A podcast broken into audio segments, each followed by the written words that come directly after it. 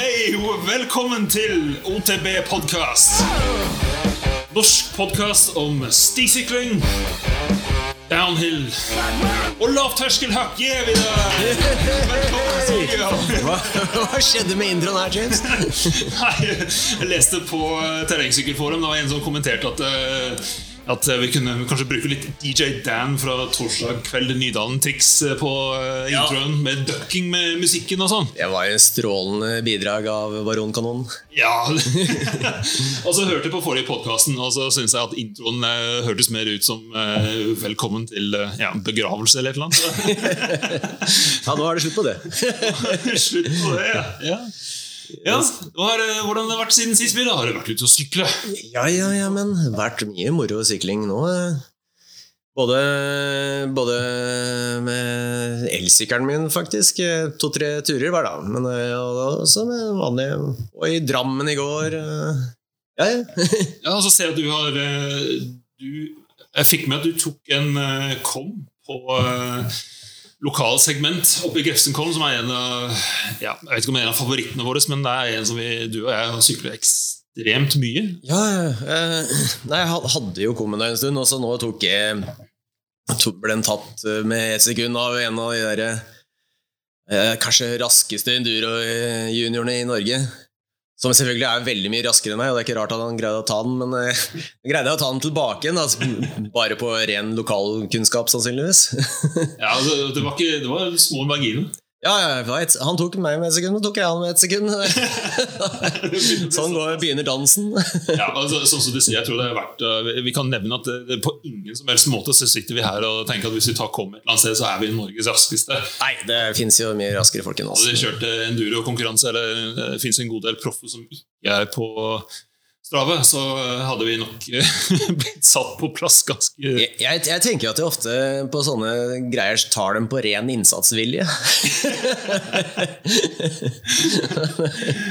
Ja, ikke sant? Men det, så skjedde jo litt eh, Det var jo litt morsomt, for at akkurat den dagen du tok kommen, så det var slik at jeg ikke fikk sykle sammen med deg den dagen. Eh, hadde tenkt å dra ut litt seinere. Hadde egentlig et annet segment i sikte. Eh, men så så jeg du tok kommen, og så har jeg liksom aldri klart å få ting til å treffe ned eh, segmentet. Nei. Eh, Så jeg ble veldig veldig inspirert av at du tok kommen, og da var jeg helt sikker på altså Jeg kan si at eh, persen min var fra Eller det er, den er fra tre år siden. Mm. Eh, Med en annen en gammel sykkel som er jo altså, i dag er jo helt ubrukelig. Ja, ja, Det finnes jo ingen måte du kan få solgt en sånn sykkel i dagens marked på. Nei, den, er, den, den gamle sykkelen den er jo rett og slett arvegods nå. Ja, ja, det er jo, det er jo Altså, tre år siden er jo 14 generasjoner i sykkelverdenen. Det er jo det. er jo det. Så jeg, jeg tenkte at nei, men søren, så jeg dropper planen jeg hadde, og så drar jeg opp, og så skal jeg slå av 20 sekunder på gamle persen. ja. Og slik ble det ikke. Nei. Nei, det var jo Eh, jeg klarte faktisk ikke å tangere forrige pers engang. Da gikk jeg eh, sånn som jeg ofte kan. Eh, Jeg trodde jeg var egentlig litt sånn ferdig med men jeg gikk helt i kjelleren. Du gikk rett i kjelleren, også, som du egentlig kanskje pleier å gjøre når alt går sånn. Jeg tok det rimelig tungt, altså. Eh, Men så, sånn som jeg pleier, så, så etter jeg har vært i kjelleren, så må jeg komme opp igjen. Eh, Og var veldig hva skal jeg si, veldig bestemt på å komme opp dagen etterpå og finne ut av hvor, eh, hvor blir disse sekundene av. Og så hadde vi en liten prat på Messenger, og sånn, og så ga du meg noen tips. Eh, Men jeg klarte egentlig eh, å finne ut av det sjøl. Eh, rett og slett jeg tok, eh, også tok sånn trackwalk med sykkel. Mm. Teste noen linjer. Pro. Og, ja. og litt av problemet var at jeg egentlig har syklet der for mye. Så jeg trodde jeg kunne, kunne eh, løypa, altså Mm. segmentet, mm. utenat. Men eh, det var jo egentlig å liksom flytte sykkelen 10-15 cm til venstre her før den svingen og bremse der og så, sånne småting. Å herregud, som jeg klarte å hente inn, uh, hente inn sekunder. Ja, det er jo ofte det å få med seg fart rundt en sving som er all, som egentlig er all forskjellen. Ja, og så var det flere steder der eh, man kommer litt eh, blindt inn eh, mot et eller annet. Mm. og da fant jeg ut at å finne et eller annet som jeg kunne se på bakken, et eller annet kunne registrere i fart. Der jeg vet at ok, hvis jeg kommer inn, fra, inn i svingen med hjulet og, og treffer den steinen eller et eller annet akkurat der, Mm. da ligger jeg riktig til det som kommer etter, som er blindt. Mm. Og det hjalp veldig. Da slipper alle sånne nervøse bremsinger, og da vet du at da sitter den. Mm. Og så er det helt utrolig eh, Du sikkert merker det samme. At eh, når, du først, når det treffer, da, da virker alt så utrolig mye bedre. Ja, det, det, det, demperne funker bedre, og det flyter bedre, og du er liksom over toppen av røttene istedenfor å smekke inn i hver av de. Og det, Ja, det er så mye som funker. Slippe å kjempe seg gjennom uh, svingene og føle at sykkelen vil bare rette seg opp og sykle ut av løypa. Det, liksom, den er med deg. Ja, ja, Nei, nei, du må liksom treffe den flytsonen, og så, så, så, så går det an å en del av terrenget som lar seg pumpe når du har nok fart, men som hvis du kjører litt sakte, så kan det, det er liksom ingen steder å pumpe, fordi altså, du passerer ikke terrenget fort nok så det er eh, kuler for deg, det er bare litt opp og litt ned. Liksom. Ikke sant? Ja. Også, men det, det ble ikke ny pers den dagen heller. Nei. Eh, var litt uheldig. Kjedet mitt er, eh, det er på tide å skifte den ut. Ja. Men måten faktisk før Altså kjedemålet som ser hvor mye strekk er i den, og så la jeg merke til at den er nesten eh, utslitt. Så tenkte jeg nei, det holder litt til. Det gjorde det ikke. Eh, nei, for det, den hoppet av akkurat samme sted to ganger Ja, ja. eh, når jeg skulle prøve å sette ny tid. Og, Så det var ikke det at du tråkka deg av med alle de vattene du har trent opp og rulla i? Skulle gjerne ønske det. Eh, men nei, det var ikke sånn. Men jeg tar det som en liten level up at jeg klarte å kjøre såpass hardt at kjedet hoppet av. Ja.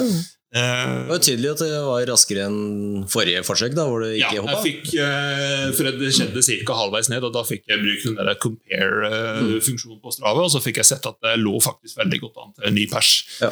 Så jeg stresser ikke, så, stresser ikke noe særlig med det. Det er sånn type segment som er litt vanskelig å sette eh, en god tid, for det er veldig mange som går der som om man er litt avhengig av enten være Ja. midt på dagen Altså, jeg, jeg tok en liten pause i arbeidsdagen, og så kjørte opp og tok to-tre rønn, og så dro jeg ned igjen. For det, man må jo være veldig forsiktig med fotgjengere der oppe. Ja, det er, det er litt vrien å treffe riktig tidspunkt på dagen. ja, så må du ta en over, litt overskya dag, og så fant jeg ut det. så er det veldig high speed, og så så ser man eh, Selv om du ser folk, så er det ikke sikkert at du rekker å bremse ned nok til at folk føler seg trygge. Ja, du får, får alltid bremsa ned nok, men de, de blir skremt Ja, de- bare, bare du kommer fort. Liksom. ja, de blir jo det. Bråker litt. Og kommer Det er jo ikke noe, men det er jo ikke noe problem. Altså, man ser jo alltid folkene lenge før, men man jo ja, tenke litt på psykologien i det hele. Altså. Men det var litt morsomt, for at i forkant av det så hadde jeg byttet dekk. Nå har det blitt tørt igjen. Ja, Altså, og, og dekk må vi alltid prate litt om. ja, ja, Det, er, det er viktig. det er. Så jeg hadde byttet fra uh, Schwalby, Magic Mary Supersoft uh, Super Gravity foran mm. og DOF uh, bak, Exo pluss. Mm. Uh, og så satt jeg DOF foran, Mm. og så satt jeg Asgai bak. Ja. Og det som var litt interessant, var at um, eh, Supersoft eh, Super Gravity eh, Den gamle, ikke den ny oppdaterte. Mm. Eh, den har ganske mye stivere sidevegger enn Ja, eh, Supergravity er jo, det er jo sidevegg, eller altså yeah. kroppen til eh, dekket. Det, altså det er veldig solid. Skal tåle egentlig alt. Nettopp, så da, da merker jeg veldig fort eh, Jeg merker to ting egentlig. Det ene var at jeg denger felgen eh, flere ganger. Ja, nettopp. så er det sånn, eh, For jeg har ikke innlegg foran. Jeg har innlegg bak, men ikke innlegg foran. Uh, mest pga. vekt, egentlig. Um, og så uh, pleier jeg å kjøre på enten 18 uh, foran og 22 PSI bak hvis det er våt eller glatt, og 20 og ja, kanskje 24 bak et eller annet hvis det er tørt. Ja. Eh, men det, det hjalp ikke. Jeg måtte faktisk eh, ganske mye opp på dekktrykk. Det føltes, det, det, jeg kjente i svingene at det var sånn som å kjøre på noen klinkekuler. Altså Exo plussen er jo en sånn stidekk med litt forsterkinger. Det er liksom ikke, det er ikke, det er ikke kroppen til full on eh, enduro-kjør. Men jeg syns med, med, med ordentlig dekkinnlegg inni, som er litt sånn god demping og sånn, så, så hjelper det litt. Ja, men jeg merker at det var ikke samme støtte. Du kjente at dekket begynte å vrenge seg i svingen. Ja, nei, det blir jo ikke det samme. Og jeg tar det også som et godt tegn at jeg drev og pusher grensene, og at jeg tar det som en liten level up. Ja, ja, ja. Bare å kjenne på den følelsen det er skjer jo ikke hvis du tar det sånn rolig stitur. Da føles jo alt bra. Ja, ikke sant? Uansett. Ja. Men eh, apropos grep. Eh, World Cup Leogan. Ja, Leogan. ja, ja. det var spennende. Det var spennende! Ja, ja. For en, for en finale hit, egentlig. Da var det ikke grep mange steder. Nei. det skogspartiet så Altså, jeg tenkte jeg skulle ikke hatt lyst til å kjøre det skogspartiet, faktisk. Det så helt forferdelig ut. Ja, det var helt grusomt. Eh, og det var eh, så som Altså Det var veldig mange som kom inn i skogspartiet som egentlig lå foran. Ja, ja. Altså hadde pluss eh, altså ett et, et eller ett og et halvt sekund, som er i downhill World Cup, er jo mye. Mm. Og så tapte de to, tre, fire sekunder gjennom hvis de kom seg gjennom uten tryn. Og så var det veldig mange som eh, sklei og trynte på vei gjennom. ja, ja. Eh, men det var eh, det var noen som vi, som vi la merke til spesielt. eh, som eh, hadde altså, rett og slett en helt annen stil. Altså, de attacka, og de var så aggressive gjennom. Mm, mm. Eh, Det var de som ble raskest, stort sett. var- Ikke de som kjørte clean gjennom. Det var Nei. bare full, de, full angrepsvinkel. Men, men det, det har jo faktisk eh, nå- Digresjon, hvis jeg til det. Altså, det har jo litt med underlag å gjøre. For jeg har jo drevet litt med bilsport. Og, og i, for eksempel når du kjører asfaltracing, så er det presisjon og nøyaktighet som betyr noe. Men du kjører grusrally, så er aggresjonen i seg selv en veldig viktig del, for grusen sklir uansett.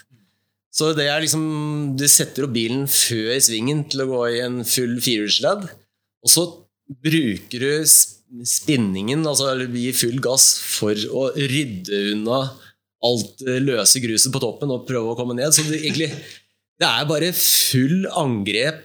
Det, ikke, det har ingenting med sånn finesse og millimeterperfeksjon å gjøre. Det er bare se Prøv å se på hvor du skal, og så bare gi gass til du er der. Det er en helt vill måte å kjøre på. Men sånn fikk jeg litt inntrykk av de der, at det var inni det der skogspartiet på downhill sykkel også. Altså, det var sånn derre De måtte liksom ha eyes on the prize, og så bare beholde den farten vi hadde, og bruke muskler og presse dekka nedi og se om det gikk. Ja. Og det gikk ikke for alle. Så selv om mange var aggressive og prøvde, så Ja, altså, blant annet han eh, Greg Minar, som pleier å være super-clean på alt. Eh, han hadde ganske mye eh, han var ned med foten ganske mye. mm. Eh, men eh, det som var utrolig kult, det var å se han Brook McDonald tilbake. Mm. Eh, etter at han jo egentlig hadde, altså, Han hadde ulykke før var det to år siden, tror jeg. Mm. Eh, sklei på en ja. treirot eh, rett før dropp, og gikk over styret, og så brakk han Ryggen, ryggen. ja. Han ble egentlig lam. Ja. Så det er jo at han kan i det hele tatt gå, er jo et under. Og han attacker så sinnssykt! Ja. Han, eh, spesielt i starten, så ut av tunnelen, så, var det, så gikk de inn i wallride. Mm. også riders eh, altså, svingte til venstre. Det. Ja. Han gapper hele dritten. Gapper fra den, bru, ja, fra, fra den tunnelen til wallridene. I rundt 50 km i timen. Ja, ja. Jeg har faktisk sett folk gjøre det i practice i et et annet år, men aldri, det, han var den eneste som gjorde det i faktisk finaler. Han var altså så aggressiv, men han hadde igjen liten feil inn i skogen. Eh, Men inntil da så faktisk lå han an godt an til pallplass. Ja, Han var- lå i grønt mye av veien. Så. Ja, han gjorde det. Så helt vilt. Ja, nei, det var tøff. Bra comeback, det. altså Men eh, altså, noen som vant. Nei, det må jeg ikke si. Har ikke du sett det? Jo, du, nei, men eh, tenk om noen av lytterne ikke har sett Ja, sånn. Det kan vi kutte ut. Ja. Og vinneren var Kanskje. Ja, da tar jeg det bare bort, da. Ja. Se på det hvis ikke du ser på World Cup fra Leogang. Finne på Red Bull TV. Det er dritbra. Det er bra. Ja, men Vidar, jeg må si at du, du ser litt sliten ut i dag. Er det noe spesielt? Ja Jeg har gjort litt forskning. Oi! Ja, jeg husker Forrige gang så fortalte jeg om eh, effektene av, eh, av å drikke øl i boblebadet, hvor det kunne bli eh, heat adapted. Da, og det er også bli bedre form. Eh, det er faktisk eh, sånn at du utvikler et, etter trening og eh, sitter i sånn varme, så utvikler du et eller annet protein etter en 20 minutter i varmegreiene. Så må du øke opp til 60 minutter etter hvert. Da. Det er jo ta og Les linkene fra forrige episode. Men jeg også, jeg fant jo de forskning som viste at én øl er bedre restitusjon enn et tilsvarende glass vann. Uh, og jeg, jeg, for så vidt uh, vil jo si at ofte når du drikker et glass vann, så tar det litt mat til, så jeg er litt usikker på om uh, For det, det, er jo det at ølen inneholder en del ting som potassium og sånne ting som du trenger som restitusjon. Da. Så et glass vann er jo sjelden alene. Men vi, tar, vi prøver jo likevel å torske, tolke forskningen dit hen hvor det kan være hyggelig. Som jeg gjorde litt sånn superenkel forskning i går. da hva om jeg drikker mange øl i boblebadet? og ja, nei, altså Resultatene er inne nå. Du blir ganske trøtt og litt dehydrert dagen etterpå. Eh, så ja. Uh, jeg vil si at én uh, øl er en annen effekt enn mange øl i boblebadet.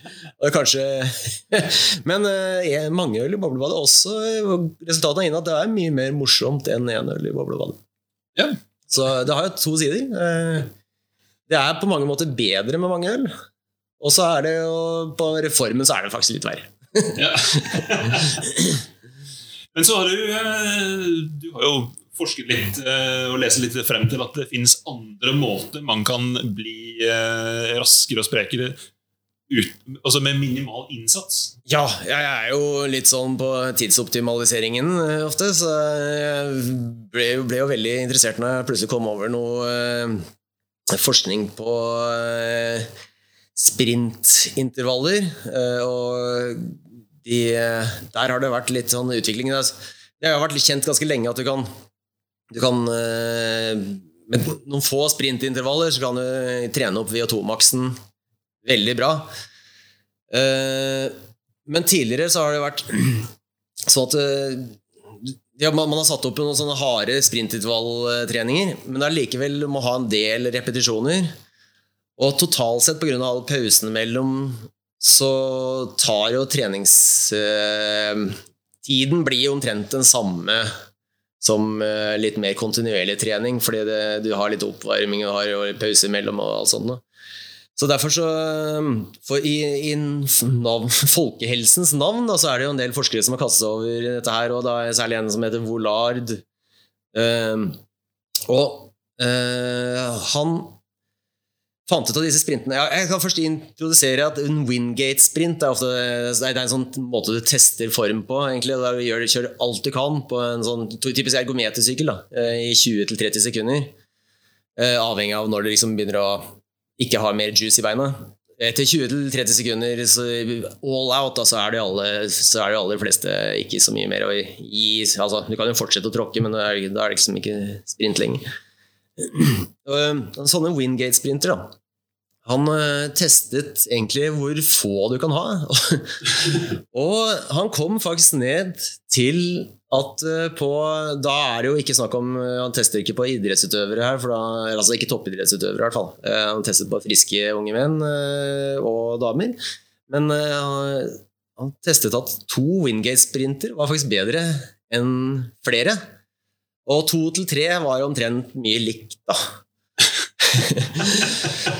Og det egentlig mest essensielle er jo ofte Her er det mye forskning, forskjellig, mange forskjellige, forskjellige forskningspublikasjoner, og de er publisert på bra steder.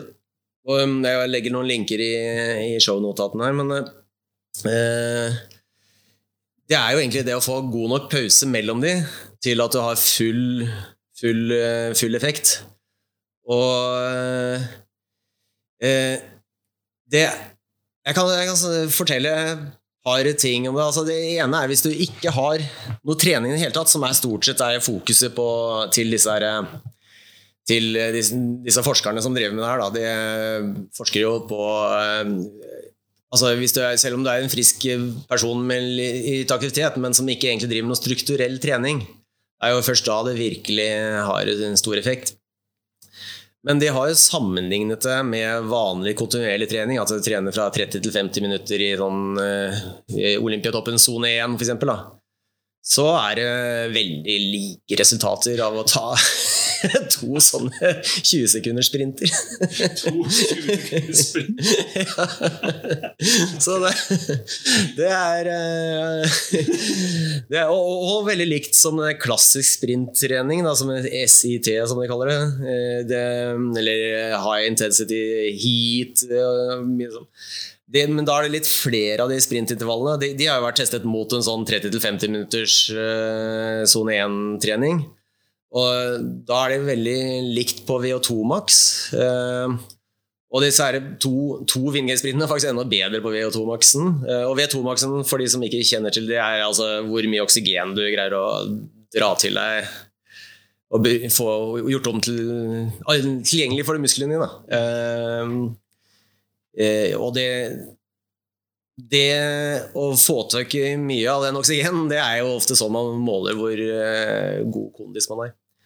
Men det er eh, Vi må gå over på mennene også, da. Eh, det er jo sånn at eh, de også har testet da at de som faktisk har trent den derre fulltidstreningen, de er jo mer energieffektive, så de Gitt at det, konkurranseformen din er en lang, sammenhengende konkurranse, så er det ikke sånn at du blir best i Norge bare å ta disse to Wingate-sprintene. Fordi det er jo noe med mm, hvor, hvor bra effekt eh, du har av den VO2-maksen din også. Så eh, det er ikke sånn at uh, Peter Northug hadde vært Peter Northug om han bare gjorde dette her. Vi skal ta det. Men uh, uh, det som er, er at alle alle har jo perioder, i hvert fall alle vi som ikke er toppidrettsutøvere, har jo perioder hvor vi egentlig ikke har tid til å trene særlig. Men kanskje du sykler til jobben eller sånn. da. Kanskje den sykkelturen til jobben din egentlig bare er en 10-20 minutters tur. Eh, Da kan du legge inn Da kan du legge inn det. Og du trenger ikke å dusje etterpå, for det er to ganger 20 sekunder. Det er jo ikke noe du svetter av. og, og, og det her er jo egentlig også hele argumentet til han Volai, da, som øh, er en av hoveddrivkraftene bak den forskningen. Det er mange som har forsket på det. og Alle kommer med ganske lignende resultater. Og det er jo at du da kan da bare liksom sykle litt rolig de første fem minuttene bare for å komme i gang i kroppen, og så tar det en sånn 20-30 sekunder. Jeg, jeg, vet, jeg tipper at folk som er litt god form er vant til å sykle mye, må fortere opp på 30. Jeg må som regel opp til 30. Men jeg teller sekundene inni meg inntil det liksom ikke jeg kjenner at ikke, nå er det ikke full juice lenger. Da er det ikke noe vits i å gå Det er ikke noe vits i å dra ut sprinten lengst mulig, faktisk. Det er annen forskning som viser at enda kortere sprinter er vel så bra. Altså 5-10 sekunder. Så man kan eh, i teorien da, kan- da kan du eh, stikke ut, eh, ta to 20-30 sekunders sprint, komme hjem, hoppe i hottubben, ta deg en øl, Ja, så er det ferdig. akkurat det er det, jeg sier, egentlig. Kort fortalt. Akkurat det jeg sier. Så du kan dra og ofre deg da, for å gå til butikken og kjøpe et eller annet. Ja. Ha det ryggsekk, så du putter alt i ryggsekken. Og så. Men også hvis du ikke har tilgjengelig sykkel, da, så viser det seg at en skikkelig sprint i en motbakke, bare løping, det er ganske lignende. Men altså, forskningen er jo stort sett gjort på sykkel. Ja. Men du kan uh, få lignende effekt av bare jern i en bratt oppoverbakke. Men nei, på flata så går du liksom Får du ikke nok motstand helt av løping. Det høres ut som eh, propaganda som en eller annen eh, gruppe med misfornøyd partner til syklister har Ja, kommet sånn. på for å få mann eller dame mest mulig hjem. Men, Ja. men jeg, jeg tror på det videre. Ja, det er bra. For, fordi det er gjort forskning på frisk ungdom, og de altså, Tester har vist at over en seksukersperiode var det nok til å heve IO2-maks med 10-13% Det er ganske mye. Det er ganske mye. Ja, men da er det jo basert på at disse har ikke drevet med eh, strukturert trening fra før. Da. Det er jo aktive folk som spiller litt fotball på Løkka og sånne ting. Det er- liksom ikke eh, Ja. sofasliterne. Men det er i hvert fall en eh, ting å ta med seg da, hvis man har litt eh, dårlig tid av og til. Og jeg syns jo egentlig det er noe som har hjulpet meg litt opp gjennom årene. Også. Ja, det var knallbra lesning av forskning, Vidar. og Alt som eh, gjør at vi kan eh, fokusere mer på å ha det gøy ut på sti og sånn, og mindre på ren trening. Ja, tenk på det. Nå har du 40 sekunder med trening, og strukturert trening, og så etter det så er det bare å kose seg med kryksing og moro. Ja, det er knallbra.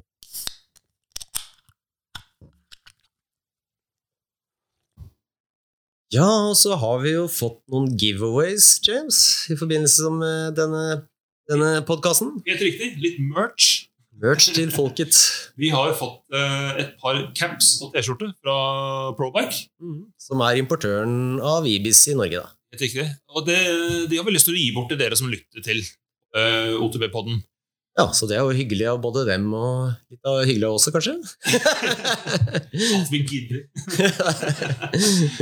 Skulle gjerne hatt de sjøl, men jeg syns dere skal få det. Ja, De var veldig kule, særlig, jeg særlig den T-skjorta. Ja, Veldig ja, tøff. Jeg Altså. tror faktisk at uh, motivet her på T-skjorte er uh, kan gi deg litt uh, høkk-poeng. Ja, det tror jeg faktisk at du får en ekstra, litt ekstra guts av å ha på deg den der. Så, Ja. Den var litt tøff. Og så kan folk kan faktisk bruke caps under hjelmen for å teste teorien din eh, mot uh, Ja, måtte skrape, ja? Hvis vi vil unngå helhjelm, så bare caps under hjelmen. Det er jo mer enn nok. Ja. Hvis du lurer på hva i all verden vi snakker om, så kan du lytte podkast episode to med Aron Høck-forening for å få en forklaring på det.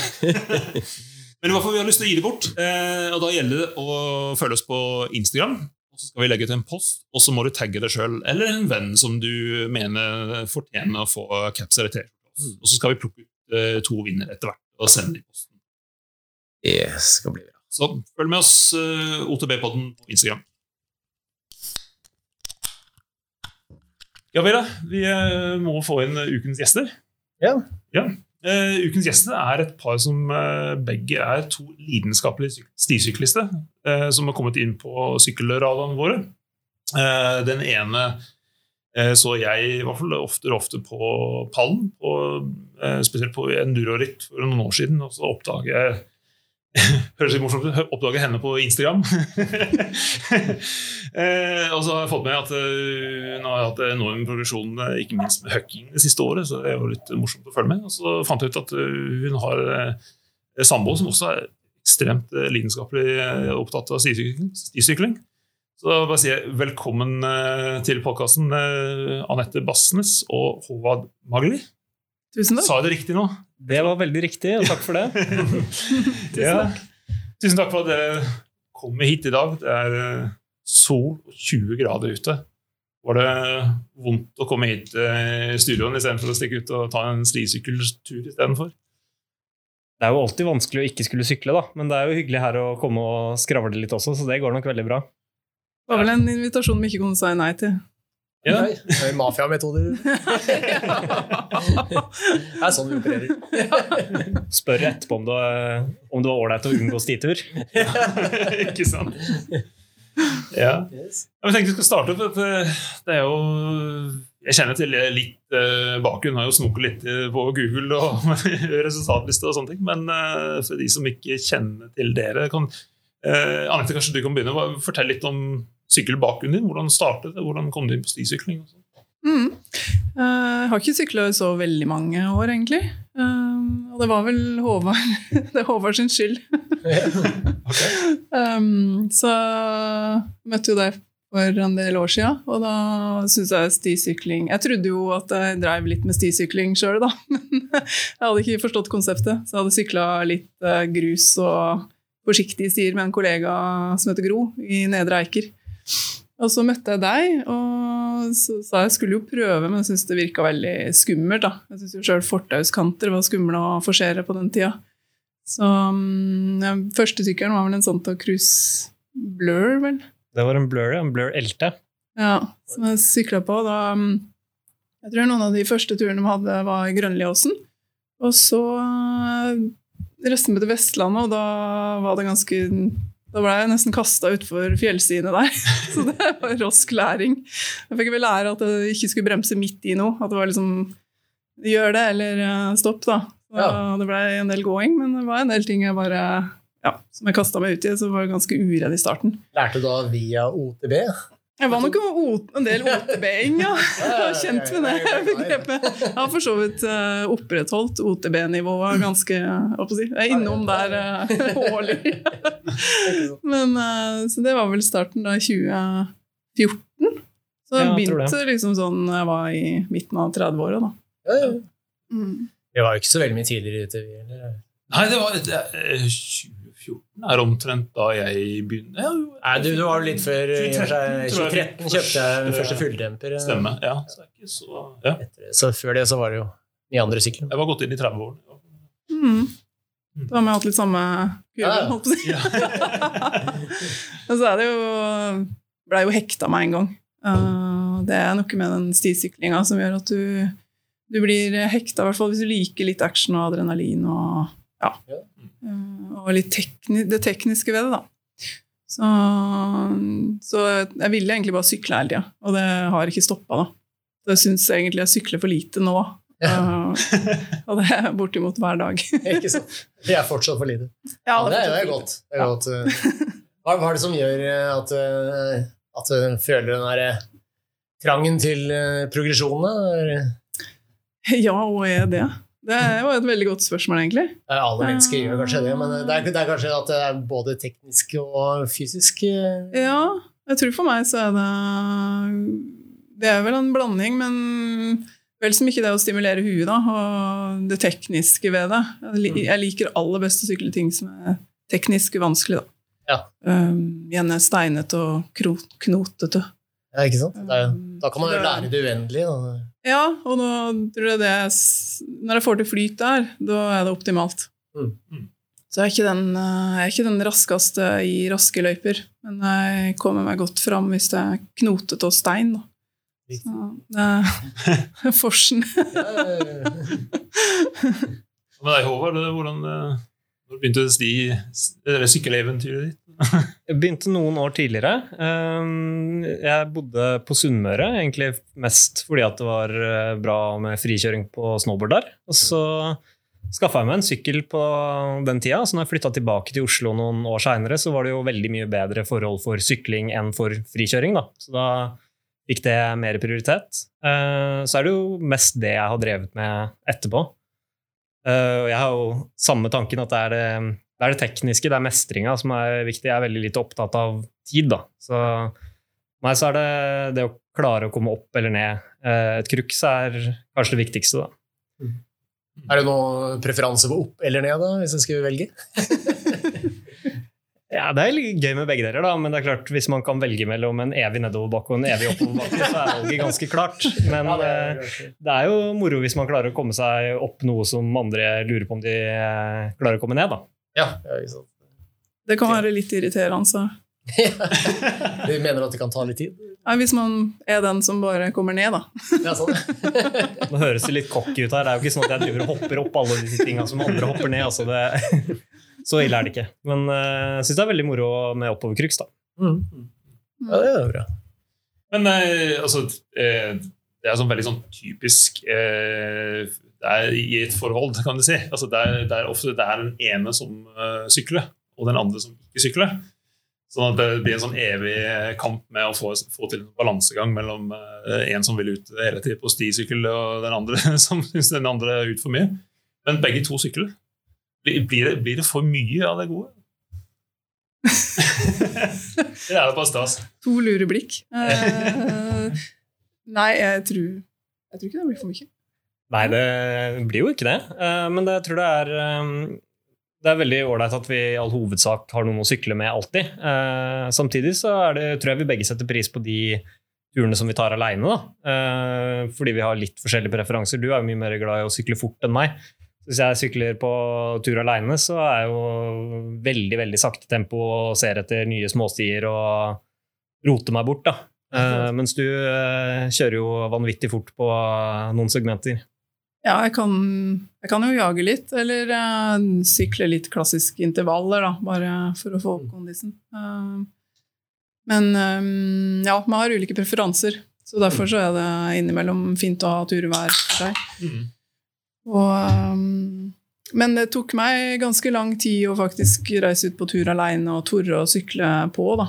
Ja. Uh, så det var faktisk ganske mange år etter at jeg begynte å sykle en del, at jeg ja, tok den turen ut og faktisk ga full gass aleine. Det var en sånn terskel for meg.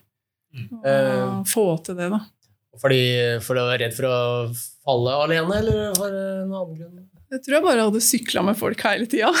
Så jeg hadde bare ikke sykla aleine. Eh, det høres, veldig kjent ut. Jeg, jeg også var sånn lenge at eh, hvis jeg var alene, så var det, var det full brems. Ja, Altså, Mista litt futten, faktisk, Ja. eh, på egen hånd. Ja. trives mest med å bli pusha litt Mm. av andre. da. ja. Innafor rimelighetens grenser. Jeg, jeg er sånn på kryksing. Da. Når jeg går- skal sykle fort, så foretrekker jeg å være alene. Jeg Ja. klarer ikke å være like rask når jeg er sammen med andre. Jeg tror med konsentrasjon å gjøre. Eller at jeg kanskje kan være at jeg rett og slett er litt sånn eh, redd for å vise hvor eh, nerd jeg kan være. At jeg liksom bare, bare fokuserer 100% på én ting og ikke, helst ikke prater med noen. Men eh, det får jeg bare til når jeg, ingen ser meg. Det kan jo kanskje være like greit òg. Ja, man må det. i hvert fall velge hvilke turer man gjør det på. Ikke sant? Det er akkurat sånn. Så, men jeg foretrekker jo sånn Mest gøy er jo å sykle sammen med andre for det. Da. Men eh, sånn, sånn som så, da vi snakka om litt før før uh, starta opptaket her, at jeg hadde noen sånne mål eh, noen steder jeg skulle ta noen gode Strava-tider. Altså, da kanskje jeg hadde scouta området sammen med folk, men jeg dro ut alene når jeg skulle sette tiden. så, Kjører og noen ganger så bare dro jeg opp, tok ett rønn, og så dro jeg hjem igjen. Jeg har jo litt samme greia på kruksinga, da, for det, det er jo ikke så veldig gøy å være med en fyr som skal prøve å komme opp en kneik 20 ganger. Nei, det er sant. Så ja, ja, men det er kanskje litt det, da. Man har lyst til å liksom bruke litt tid på akkurat én ting. Altså Samme som når jeg skal sette en rask tid. Og så er, kanskje jeg har lyst til å se på én sving, fordi jeg stort sett klarer og vet hvordan de andre er, men ja, jeg har ikke lyst til at noen skal observere mens jeg gjør, gjør det. nei, da må du bare filme det og så legge ut den perfekte versjonen på Insta etterpå. Ja, ja, det, det gjør jeg. Nei da. Men dere inspirerer hverandre litt, da, kanskje? Siden dere virker som dere har litt forskjellig type ønsker, på en måte. Ja, jeg har jo definitivt Hva skal jeg si Jeg har jo sykla med deg eh, og, fra starten, så jeg har jo blitt veldig inspirert av det du gjør. Og det er jo sikkert litt av grunnen til at jeg liker au kruksing, da. Og sykler Jeg liker oppover kruks. Uh, det er kjempeartig hvis du klarer noe vanskelig oppover. Uh, gjerne litt seige, lange. um, og, og steinete og trangt og knotete. Så jeg har jo, vi har jo sykla mye i det, og det er det jeg har vent meg til. Og så er det først i seinere tid at eh, nedoversykling og Drammen og sånn har kommet på blokka. da. Så jeg har liksom ikke regna meg som veldig rask, men jeg sykler nok ganske godt på det tekniske, da. Jeg har på en måte opparbeida meg Teknikken sitter på en del sånne ting. Ja. Ser jo det på de ritta du har vært med i, at uh, der hvor det er skikkelig knotete etapper, så har du jo Det er jo alltid der du har de beste tidene. Ja, definitivt. Er ja, typisk i, uh, i uh, ritt der det er mye høgfartsetapper, så kan jeg på en måte si det litt ha det bra til, til de raskeste som har mye erfaring på det, da. Er, er det noen eh, enduroritt som passer deg bedre enn andre noen steder i Norge? Det er mest etapper, kanskje. Ja, sånn. Nei, jeg veit ikke. Det Jeg har jo Jeg sykla jo bra i Molde. Frei enduro har jo vært litt sånn Molde hadde etapper som jeg liker godt. Det liksom varierer litt, da. Men, og traktor enduro Det har vært forskjellig. Men jeg, jeg liker jo godt i Drammen og Hafjell og Nesbyen òg. Men det er klart, der er det noen ekstreme fartsetapper. Der uh, de som har utforerfaring, vil gjøre det vesentlig bedre enn meg. Ja. Da må man bare satse på at den sykler jevnt gjennom rittet. Ja. Ja, du har vel vunnet Bodø Enduro en gang også? Jeg har vunnet Bodø Enduro, ja. ja. Så det Så det er første gang jeg har vært på Opalen uh, foran Hilde og Vera. Det er ikke verst for det. Nei, det var moro, det, for så vidt. Så, ja da. eh, Det har jo eh, vel jevnt over vært mye treplasser, da. Eh, og det er jo ikke dårlig, det heller. Nei, det er Eh, så, så det har jo vært Hva skal jeg si? Det har jo vært moro det, med ritt og enduro og sykling òg. Men eh, hva skal jeg si, starten og, og det som blir den, kommer til å holde på i lengden, er vel på en måte kruksing og tur. Og, og kanskje det med heisbasert sykling har jo vært veldig moro nå i det siste. da. ja, ja. Sykle til et sted hvor de har gode kaker. Det er ofte en god idé. Men eh, Begge er jo ambassadører for eh, Ibis-sykler. Det stemmer. Eh, Jeg er jo kanskje mest sånn påheng, da. Det er jo Anette som har eh, dratt i gang det her, og så har jeg bare fått være med. Så, men vi er jo ambassadører begge to. Ja, hvordan ble det til? Uh, ja, jeg, når jeg starta med endurosykling, så, um, så ble jeg på en måte godt kjent med um, Alice Grindheim. Og hun var på Team Ibis den gangen. Uh, hun er det nå. Og um, det var vel Jeg husker ikke om det var hun eller andre på teamet som, som sa at jeg hadde sykla godt og ikke var på et team. da. Og jeg hadde vel snakka med henne om at jeg hadde lyst til å være på et team, så da ble jeg ble jeg med i Team Ibis, og, og så, har det, så hadde jeg jo avtale med, med Probike da, og som senere har blitt uh, Ibis uh, Cycles Norge. Da. Så nå er det egne avtaler der. Mm. Og så har teamet andre avtaler uh, på andre ting. Så Hva, hva innebærer det å være ambassadør? Får dere diplomatisk immunitet? ja, da må du jo ha x antall pallplasser da, i løpet av sesongen. Så får du penger deretter. Nei, det, det er avtaler med gode priser. Og Mm. så um, på det ambassadøren, uh, og at man legger ut uh, Man blogger litt. Uh, og på teamet så er det rett og slett en, en gjeng som, som sykler og liker å være med på ritt. Som er 50-50 jenter og gutter. Åtte-ni stykker. Ja. Som, uh, som er med der, da. Som deltar på ritt etter ønske, da. Det er ikke noe krav der til å stille på så og så mange ritt eller noe. Nei, ikke Noen checkbox som Nei da, det er veldig låg terskel, eh, det. Mm. Vi skal høre om det med diplomatisk immunitet, for det hadde vært veldig greit. Ja, det jeg antar dere har dere kanskje ingen som har sagt det, bare. Nei, kanskje Blått, blått pass? Har dere sett på fargen på passet? Det er ofte sånn hint. eh. Sjekke bilen også, den har blå skilt. Ja, det kan være lurt å ta bilde av den. Altså. Ja, men Hvis man tar snarvei på ritt, og sånn, så, så blir det ikke risky. Nei, for det, Ja. jeg blir i hvert fall ikke straffet. Det er Kanskje man kan uh, liksom ha litt mer utstyr på sida, og litt hjelpemannskaper og sånt. Ja, I verste fall så blir man jo utvist. Ja, det kan jo bli utvist ut av landet, faktisk. Det kan være litt. Ja, det er litt verre. Men da er det jo som regel istedenfor å sitte i fengsel. Altså, det er jo greit. Det er kanskje en passende straff for Strava-linjer, egentlig. Ja, ikke sant? Ja, er du lei? Eller for, sagende trær som eh, hindrer eh, høy fart. Hvilken uh, sykler er det dere har i stallen? Er det smekkfullt av Ibis uh, sykler vegg til vegg hele hjemmet? Det er vel ønskelista, men jeg, har, jeg har to. Så jeg har Ibis Ripmo, eh, og så venter jeg på ramme på den V versjon 2, eller V2. Og så har jeg en Ripley, som er Ja.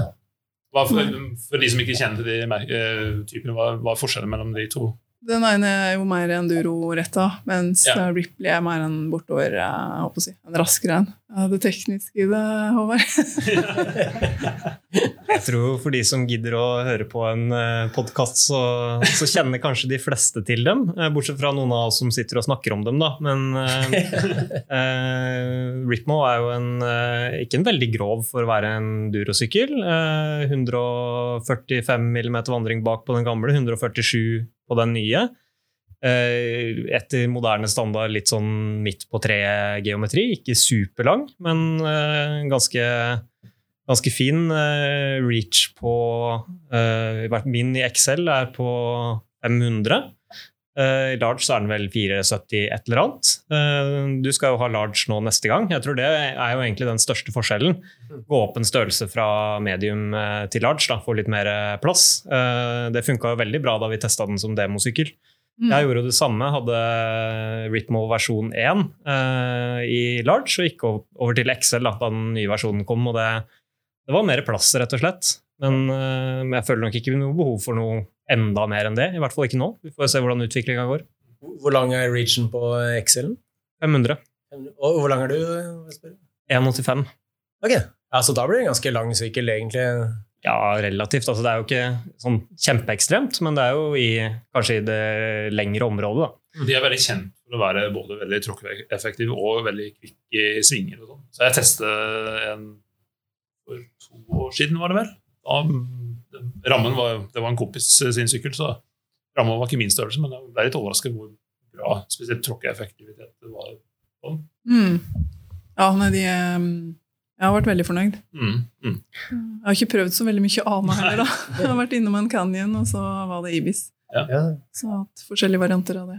Jeg har jo hatt litt mer forskjellig, i og med at jeg sykla en god del mer år. da. Men uh, det har jo vært Ibis Ritmo uh, som har vært det jeg har sykla med. uh, 29-hjul og moderne geometri, så det blir jo ikke en helt fair sammenligning. Men jeg syns jo det er utrolig imponerende hvordan en, eh, en sykkel med såpass mye vandring eh, såpass slak geometri kan være så kvikk og morsom oppover. eh, og alt dette her da. Um, det er klart, hvis du skal se på en type Østmarka-sykkel, skal du kanskje ha noe som er eh, litt mindre grovt, men det funker fint i det. Og som et kompromiss for en som er i Trulsen den ene dagen og i Aron den andre, så, så funker det veldig bra. Altså.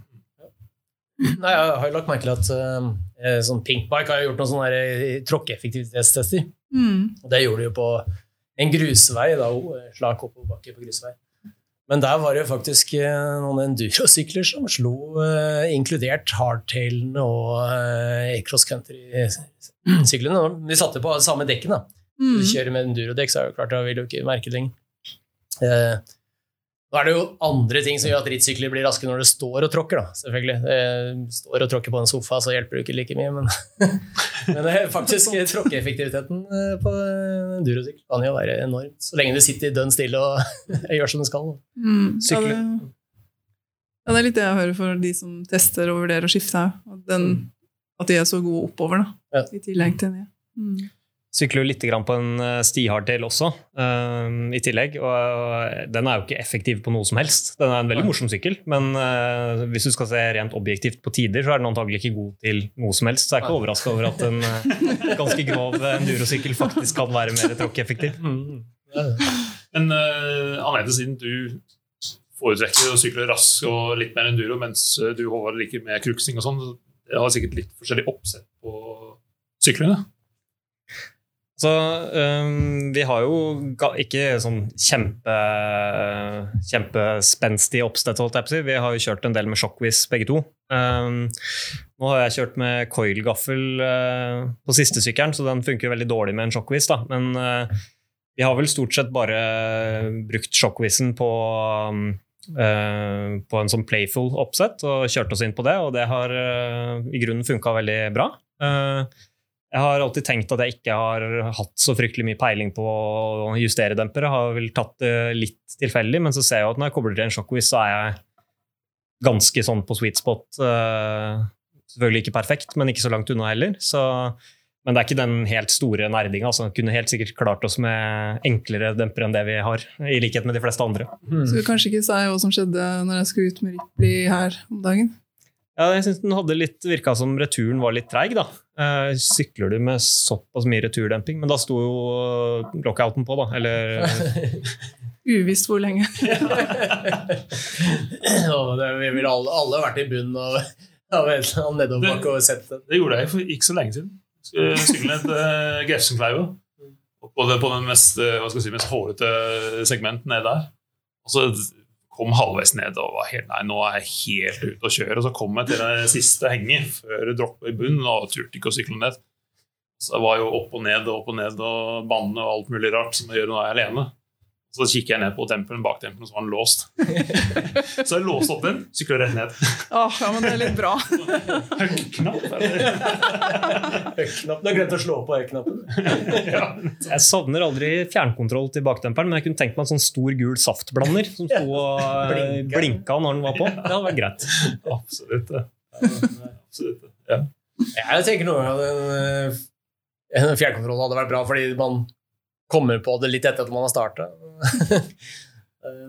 Samtidig pleier jeg heller ikke å merke det før jeg er i bunnen, og skal skal jeg klatre opp igjen, skal jeg slå på climb-switchen, og så er den allerede på.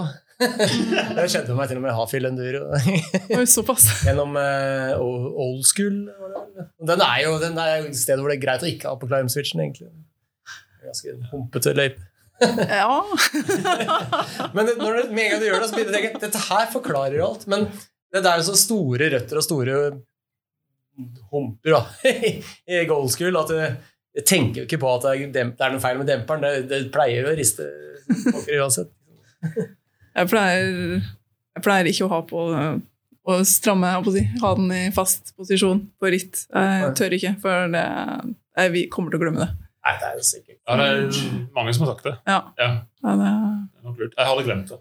Ja, altså, jeg, jeg, Garantert. jeg tenkte jeg skulle sette på noen klistremerker. Sånn sjekk på start. Liksom sånn én sjekk climb-switchen. Altså. det er ikke så dumt. Ja, ja. Du hadde jo et bra klistremerke på styret ditt en stund, du. Ja, jeg har det på flere sykler. Jeg har det på fatbiken her. Um, Jeg bare skriver på se fram, slipp bremsene. Ja. Ja, så det er en veldig universell beskjed. Rekker, du, rekker du å lese det? Er, er det fordi du faktisk ser så nært sykkelen at du rekker å lese det? Da, hvis, if you can read this, uh, se lenger frem.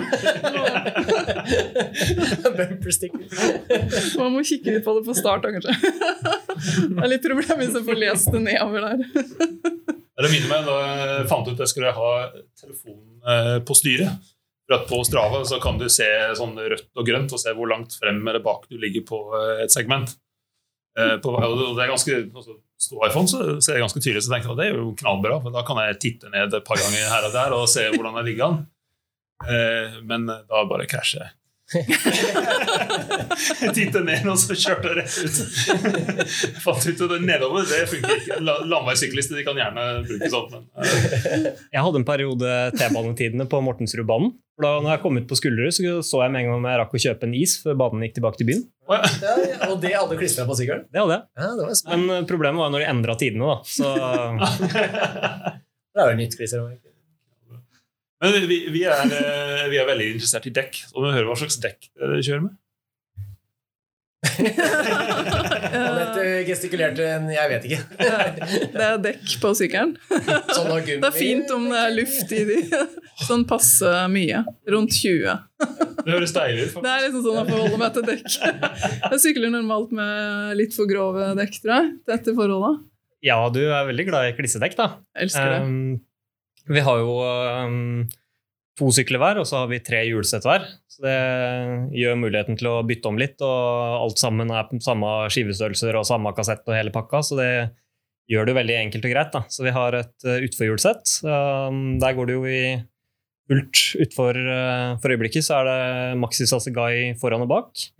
Og så har vi normalt sett hatt et uh, hjulsett med litt klissete stidekk. Uh, varierer litt. Nå er det Asegai uh, hva den heter, Exo Plus. Mm. Og så har vi da ett med litt raskere, da. Uh, og i og med at vi har eh, to sykler hver, så er det jo litt sånn at noen ganger så velger du rett og slett sykkel etter forholdene. Etter når vi har de dekka, så da tar jeg den sykkelen. Ja. Um, så litt etter forholdene, men gidder de egentlig ikke å bytte dekk sånn så veldig ofte. De sitter på det hjulsettet til de er utslitt av. Eh, nå i eh, en tid med dårlig tilgjengelighet på noe som helst, så kjøpte vi jo det vi kunne ka klare å bunkre opp da, for å være sikre på å klare oss gjennom sesongen. Så da skal vi vel prøve Michelin Wild Enduro. eh, og så har vi vel noe Minion i uh, utforutgave som skal på når det gamle er utslitt. Det blir utfordekkende istedenfor uh, uh, Asagaien. Eh, ja, nå husker jeg faktisk ikke akkurat hva vi har liggende, men eh, det blir vel eh, Minion og Asegai i en eller annen kombinasjon. Så når det er utslitt, det vi har, da. Ja. Men jeg syns Asegai har vært uh, veldig bra, egentlig. Uh, I hvert fall så lenge du ikke skal tråkke dem noe sted. Da. Det hjelper jo. Ja. Men uh, jeg har vel først og fremst bare vent meg til Maxis. Har alltid vært veldig glad i det, og syns vel at kanskje at den, det er ikke noen sånn kjempeforskjell mellom Minion og Asegai. Det, det går greit, begge deler. Ja. Men det er veldig fint at det er eh, grove varianten som eh, gjør at man ikke punkterer hele tida. Ja, ikke sant. Men Exo eh, jeg, så, jeg så Vital MTV, det der amerikanske ma- nettmagasinet. De hadde en test hvor de rullet ned på alle Maxis-dekkene. Eh, fra en Det var en sånn liten sånn bunn av en dal, på en måte. Så de kunne rulle ned med en grusvei, og så rulle opp på andre siden. Og bare måle hvor langt de rulla. Og da hadde jeg jo med Aggressor, blant annet, som er litt sånn, skal være litt lettrullende, og Asigai i Exo Plus og de aluminium-variantene. Eh, interessant nok så var det Asigai i Exo Plus som rulla lengst. Jøss, det hadde jeg ikke trodd. Eh, mot, ja, ja, og han rulla på siden av grusveien, da, der hvor det er litt sånn der, eh, rusk og rask. Ja. Det var veldig rart. Men eh, Asigai i downhill, den er jo veldig det har jo veldig mye gummi, så den vil jo rulle veldig dårlig. Men tydeligvis så Og det underlaget så rulla Asseguy en bra. Jeg har merka meg at det er eh, altså Selv om eh, Maxis har en betegnelse om det er Max Grip eller eh, Max Terra, så er det forskjell mellom de forskjellige variantene. Ja. Eksempel et Minion Max Terra i 2.6 er mye, mye hardere enn Minion Max Terra i 2.5. Ja. Av en eller annen uviss grunn. Eller så har jeg bare fått feilproduksjon, det veit jeg ikke. Men uh, kjøpte inn dem som klissedekk, men det var det ikke. De Asseguy Nei, Ed heter? Minion i eh, ja, de har hatt både DOF og DHR2 i, i 2.6, og de er jo veldig lettrullende, faktisk. Men de har faktisk bitte litt lavere knaster enn 2.5-utgaven. Så de er kanskje laget for en litt annen si, application, som det heter på engelsk. Et annet bruksmål. Ja, Vi kjøpte inn dem eh, en eller annen gang vi, de var på salg, eller et eller annet. kjøpte vi inn masse av dem fordi at vi tenkte, tenkte at vi trengte klissedekk, men det var det jo ikke. da. Ah, Så nå står det jo på det hjulsettet som er til litt mer tørre forhold, og det funker det greit til. Men det er jo ikke det jeg trodde det var. da. Nei, jeg kjørte vel eh, Drammen Duro på det i fjor. Og det holdt nesten hele veien til mål, men det var ikke så Det ble en skikkelig stor flenge på siste etappen, så jeg fikk bare kjøre på dekkinnlegget ned. Oi, såpass. Ja, Og da ble det, det ble helt kassert, og og da ble det fjerdeplass. Ja, da ble det fjerdeplass. såpass. Ett sekund, var det ikke? Ja, ja, faktisk, det var det sekundet jeg mangla. Eller ett eller to, jeg husker ikke det. Men eh, det var i hvert fall eh, veldig lettrullende. Altså, det var egentlig derfor jeg valgte det, var jo veldig, det er jo alltid tøft og tørt i Drammen. Det er alltid bra rulleforhold i Drammen. Ja, ja, ja, det Uansett dekk. altså på Drammen Duro, da. Det, I vår har det jo bare vært eh, vått i Drammen, så det har ikke vært her så mye heller. Nei. Men vi var litt inne på det tidligere. Altså, Anette, du er jo mer glad i startnummer enn eh, deg, Håvard. Eh, men eh, eh, du, eh, du har jo sykla Kalas Cup før. så leste Det var et sitat Hvordan uttales det egentlig? Er det kalas? Kalas, kalas? Kalascup, ja. ja eh, det skifta vel navn ut fra hvem som sponser det. tror jeg. Mm. Det er en engelskmann eller nordmann som uttaler det. ja, det er det, altså. Ja, altså, det er jo rundbanecupen i Norge, for de som ikke vet det. Rundbane er jo da altså, det man kaller for altså Når noen snakker om konkurranse i, i terrengsykling, så er det jo ofte rundbane de egentlig tenker på. Ja. Men hvis jeg sier rundbane til noen som ikke sykler, så tror de at man kjører rundt og rundt i en bane, sånn som NASCAR, liksom. Men da stikker du med baggy shorts og knebeskytter og sånn. Men du Ja. hadde en bra plassering for det. Uh, ja Åssen ble det her, da? Ja, og så hadde du vel et kjedebrudd oppi alt dette her òg, tror jeg. Så det var jo egentlig en vanvittig bra, bra plassering med tanke på uh, baggy jeans og Ikke jeans, baggy shorts og knebeskytter og klissedekk og 160 gaffel og ryke kjede, eller et eller annet. Ja, nei jeg, mm, jeg var jo var vel det året jeg var med i Team Terrengsykkel, tenker jeg. Ja, 2018. 18, ja, så da var det jo eh, ja, en litt tyngre satsing. det var da jeg skulle gjøre systematisk trening eller noe i den duren der. Så det er mye på ruller og intervaller og, og oppfølging. Um, og da var det vel at uh, litt sånn treningsøkta da, å være med på de uh, rundbaneritta. Eh, og selvfølgelig moro å se om du kan hevde deg der. Um, men jeg stilte jo helt feil. eh, Det, var jo, det meste var jo feil med si, bekledning og utstyr. Jeg hadde vel noe veldig klissedekk i tillegg. Eller det var i hvert fall ja, det var, Ole Kristian Fagerli ga meg vel en ganske syrlig kommentar der, med litt ironi. At det var, det var noe å stille, stille opp i rånbane med. Men um, eh, ja, nei, det gikk vel eh, Det gikk vel ganske bra. Men uh, så, så var jeg med på et ritt seinere, og da hadde jeg vel uh, testa en, en Ripley, da, som er en raskere og med raskere dekk. Det var en mer behagelig opplevelse. Jeg kan, kan trøste med at jeg var på samme ritt Ja, med Team Lett. Aslak Mørsa hadde samme opplegg, at vi skulle trene på Kalas Cup som trening. stemmer. Altså som rittrening, da. Eh, og da stilte jeg på min eh, Santa Cruz Bronson med tror, Faktisk, jeg hadde satt på Icon-dekket. Jeg hadde, ikke, jeg hadde rittdekka. Ja, Men eh, det var baggies, og så hadde han kjøpt teamtrøye som vi fikk fem minutter før vi starta.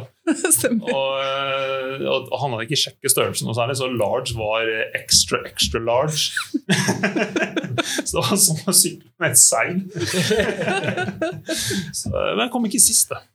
Ja, det- Nei, ja, det er ikke ikke sant. Nei, det Jeg tror vi hadde skaffa noe rittdekk, men så ville du ikke ha dem.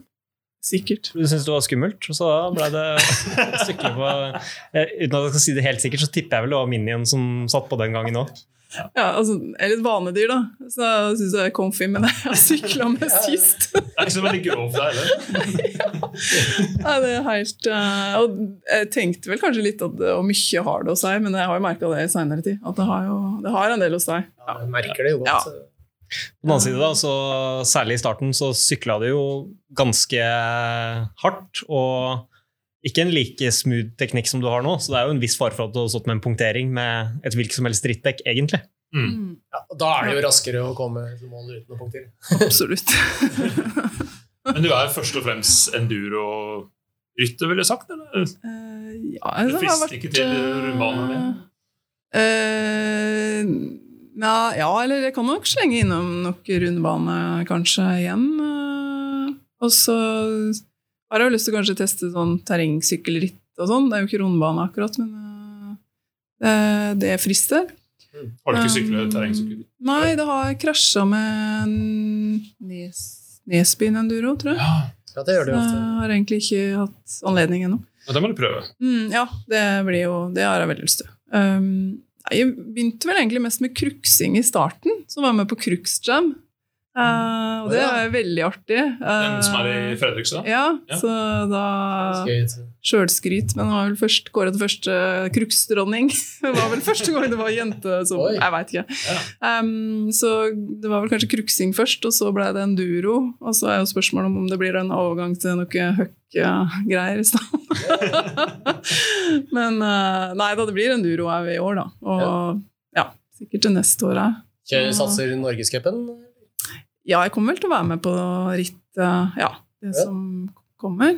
Mm. Men jeg er jo jeg driver, jeg driver jo ikke akkurat og trener meg inn til enduro-ritt. Så nå er jo fokus på å eh, jeg, jeg vil ikke gjøre ting som er kjedelig lenger. Så mm, jeg vil bare være i skauen og sykle. Og jeg har, i høst så har jeg vært veldig mye ute og sykla i stedet for å rulle. da. Så tar jeg heller en tur, sjøl om det er dårlig føre, snø, regn, og som helst. Så sånn er det nå òg, at det må være artig.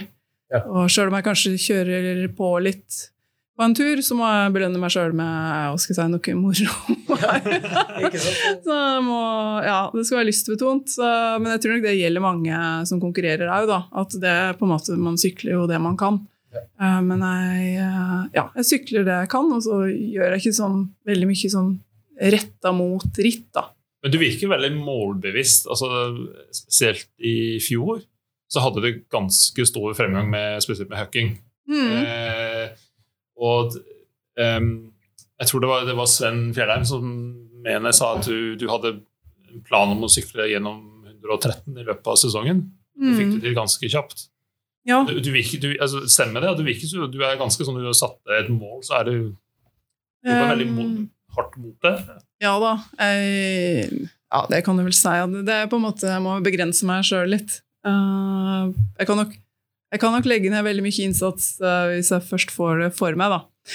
Så, um, men den høk, det høkk-greiene har vel vært Det var vel noe Du sykla ut til dropp Årvollåsen høsten før, med, før i fjor, og da Eh, Det hadde jeg så lyst til å ta, men jeg torde ikke. Og så irriterte det meg ekstremt mye. Og jeg var så redd for det å være i lufta, da. Vi har jo kjørt ut sånn høyt til flatt masse, men jeg har ikke på en måte droppa ut noe og vært i lufta så veldig lenge. Tid. Eh, og det virka Jeg var litt redd for at sykkelen bare skulle dette rett ned. Um, så det var liksom en kneik. Så det var det første eh, Første det droppet i Redwood, vel, i Drammen. Uh, som er hva skal jeg si, Du ser ikke helt, og så er det litt bygd. Det er jo ikke et kjempestort Ja, det er dropp. der du lander på de Treer, ja. Du, så du ser ikke helt når du Nei, du ser over. faktisk ikke før du er ganske på kanten. Så. Så Altså, du, du sykler ut, det er den du sykler ut på som skogbunn. Ja, Så dropper du ned på treverk, er ikke det? Så, Ja. Ja. Kanskje Det er to meter, halvannen ut meter. et berg. Kanskje noe det, er, sånt. det er jo relativt høyt. Ja. Nei, det er jo ganske Ja. stort, da. Er relativt blind, da. Um, Ja. Så hadde vi, vi sykla med en kompis, og han, han på en måte bare sykla han ut. Og så tenkte jeg fader, det kan vel jeg få til? jeg må jo klare det. Så da snudde jeg og gikk bare opp igjen og tok den, da. Uh, så da var, løsna det litt. Ja. Så da, men jeg, jeg måtte ha hva skal jeg si, jeg må jo ha drahjelp ut på disse droppa. da. Så det er jo andre som gjerne uh, Det har jo vært litt høkk for redningen. Og, Ja. Ja, for vi, vi Ja, snakket jo sånn, før da. om eh, Mm. eh, altså Jeg og vi da har forskjellige metoder, måten vi får oss sjøl til å gjøre ting som vi syns er skummelt. Altså, det var det litt av clouet, at du på en måte fant en metode, noe som funker for deg? Altså, at, du liker, at noen tauer deg inn? Ja, eh, det har i hvert fall vært sånn Ja, det har vært sånn til nå. Um, ja. Er jo, det er jo enten noen av de fra Høgforeningen eller kanskje Maria Dahlberg har jo dratt med noen ganger. Det er jo fint hvis det er jente som gjør det òg. Um, Ja. um, så det var vel hun som drar meg ut i Henningsdroppet, som er på en måte oppfatta som litt mer krevende enn det i Redwood. Og så uh, var det vel du, Håvard, som viste meg da det største droppet i drop zone, eller var det Ja, Det husker jeg ikke, men det kan det ha vært i hvert fall. Jeg tror um, Du, du sykla først, sykla etter deg, og så var Sven Fjellheim bak med kamera. Jeg tenkte på det etterpå, at du, han lå på rygg på meg. Jeg hadde aldri vært ute der før. Ja, det Men, eh, er jo, men han er jo flink til å manøvrere, så han, så han hadde sikkert smett unna hvis jeg skal ha et trinn. Men Etter at man er ute, så er det jo veldig lite man kan gjøre, egentlig. Jeg kan kanskje forklare at uh, drop zone i Drammen eh, det er fire drop som er forskjellig høyde. Og så er det mm, noen av de som er ganske flat ut, og andre kanskje går Det er en som går litt Nei, ikke det går over, kanskje bitte litt nedover. over, egentlig. Men det er, det er, det er litt forskjellige karakterer. Men i hvert fall den som er helt til høyre, Mm. der kan du få en del luft i tid, og så er det jo mm. litt grann, eh, Det er ikke sånn Veldig bratt landing der. Så Ja. hvis du får, uh, har mye fart, så får du mange meter. Jeg vet ikke akkurat hvor høyt det er, men selve droppet er jo ikke så kjempehøyt. Nei, det er sant. Selve plankene ser ikke noe imponerende ut i det hele tatt. Men det er liksom en skiflyverbakke, at du kan bare fortsette et stykke over, rett over bakkenivået. Ikke sant? Ja. Altså den eh, Da, da er det jo etter der, da.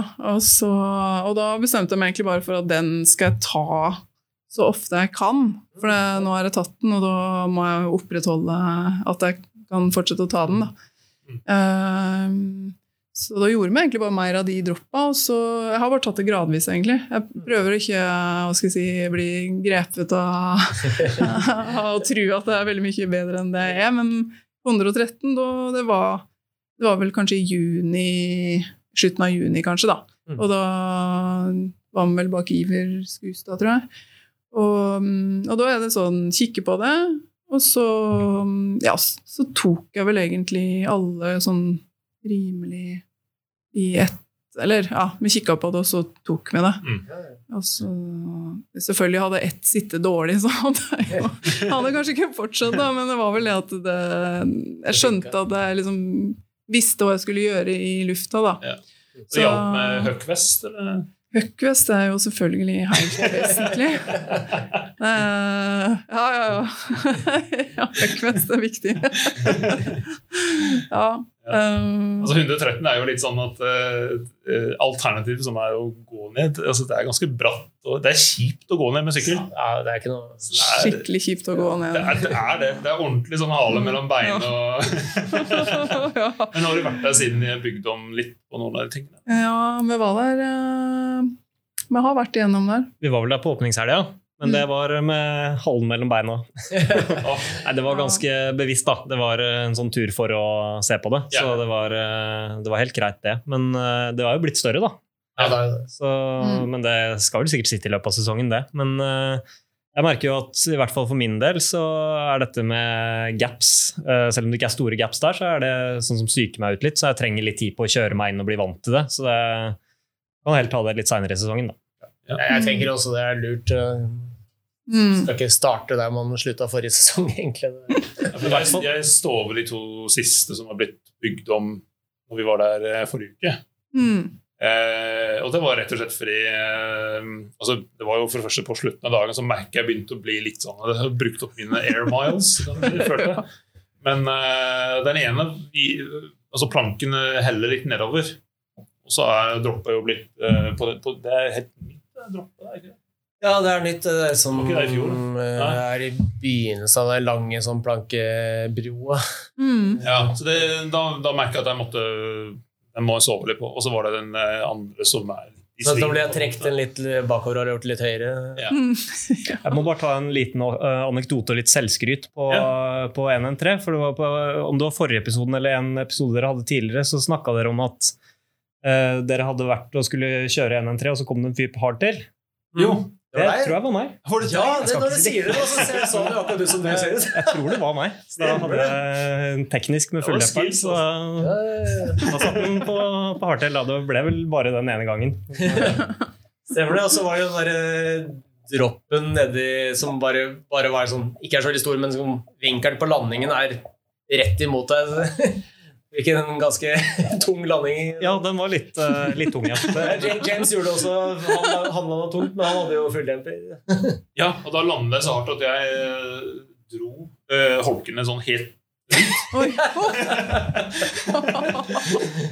Det ser ut som du bare kan ta fart. Det er ikke så høyt dropp, men det problemet er at vinkelen på landingen er im- imot fart. Det er mer enn høyt og flatt. Da, det på en måte. Altså, var det, var det litt uventet. Altså, Jeg som er en av grunnene på vei over, så ser jeg at det er sånn skogbunn og sånn, og så trodde jeg det var mykt, og så tenkte jeg at det kommer til å dempe litt. Men Det gjorde det ikke. det er ikke sånn. så, Men det er litt sånn at jeg hadde, jeg hadde, jeg hadde jo mål om å ta 113, men det hadde ikke vært noen nedtur for meg å ikke ta den heller. Ja. Så det var litt sånn jeg tenkte hjem igjennom gjennom der, og jeg føler at det kjennes bra. At jeg har en god dag, da, og det kjennes innafor, så, mm. så prøver jeg. Men, og det er litt sånn jeg forholder meg nå til de elementene som jeg ikke har tatt ennå, som er jo en del. Så er det på en måte mer å se an, se an dagen og kjenne litt på formen.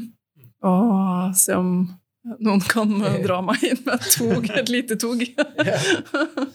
men altså, eh, jeg må bare spørre, så hvordan er det i altså, type bikepark i Drammen, så er det stort sett gutter? Eh, begynner å bli flere jenter. Det er jo Mm. knallfint å se, men altså, er det sånn at noen ganger så føler du deg litt alene? Eh, og du skulle ønske det var kanskje flere jenter der, og så syns det hjelper, eller det spiller ingen rolle for deg? Mm, det spiller ingen rolle. nei, jeg er nok eh, det, Nei, det er ikke så nøye for meg. Altså, ikke, ikke for min prestasjon. Men uh, det er jo veldig hyggelig å se at det er flere jenter som driver på og tør og, og har lyst. Um, så, men jeg har det hva skal jeg si, jeg har det moro uansett, da. Um, så ja. Men det er jo bra å se, se jenter i, jo i de anleggene, da. Så jeg har jo Jeg vet ikke om de kan kjenne det, men jeg har en gruppe som heter Stisykling for jeg, ja, Hva heter det? Stisykling for jenter i Oslo omegn.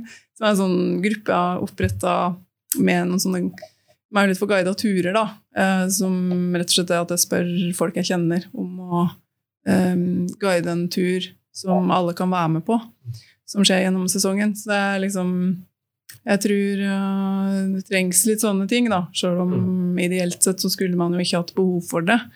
Um, men jeg savna det litt sjøl når jeg starta å sykle. Da var jeg i Frøy sin jentegruppe uh, den første sesongen. De hadde da det gjennom høsten. Og det var for å bli kjent med noen andre jenter og kunne liksom reise på tur uten å oi, henge på deg og, og andre da, sånn i starten. Så det tror jeg er bra, at man kan knytte litt bekjentskaper og etter hvert òg sykle med hvem som helst, da. Ja, ja. Ja. Jeg visste ikke om det, men det høres ut som et bra initiativ. Ja, eh, det var rett og slett at jeg tenkte at det er jo andre som har hatt sånne type ting før, men det krever på en måte at det skjer noe der, ellers så dør gruppen ut. Så her er det rett og slett bare avtaler de turene gjennom sesongen, sånn at det hele tida ja, det skjer noe, men nå har det vært helt stille. så nå er det jo bare at eh, jenter eh, deler ting og spør om ting der, da. Ja. Så, så det er, og sånne grupper er det rundt forbi, så jeg føler jo egentlig ikke at det er få jenter som sykler uh, tøft, da. Eller sykler uh, ja. Det, det Sykler mye, det- mange. Det, men så er vi jo i Oslo, så her er det jo en del, selvfølgelig. Og så følger jo jeg andre grupper som da andre plasser i landet. Så jeg, jeg føler jo at det er veldig mange. Men det, har, det er sikkert at det har vært ei utvikling, da. Så om det er mange eller ikke, det er i hvert fall vanvittig mange flere enn for bare noen få år siden. Det har jo vært en kjempestor utvikling på det, så det er jo veldig, veldig bra. Mm. Så, Har du, har du noen store mål for i år? Eller Er det kanskje litt vanskelig pga. korona? Eller kanskje til neste år? mm, nei, ja, nå er det vel egentlig mål om å Det er hele tida mål om å bli bedre, da. Eh, og eh, jeg føler at eh, jeg har blitt flinkere i løpet av vinteren, for jeg sykler en del med flatpedaler. Ja. um, Hvordan, eh, hvordan har det vært? Altså, hva var grunnen til at du prøvde det? Jeg merka at jeg juksa ganske mye med klikk. At jeg dro Hva skal jeg si Jeg tok meg sjøl i å, Slepe å slepe med meg sykkelen litt. Så jeg skjønte at jeg juksa, juksa litt på teknikken. Så jeg hadde egentlig lyst til å Du sykler jo på flat, Håvard, så jeg hadde lyst til å Jeg tenkte at det er bra å gjøre litt forskjellig.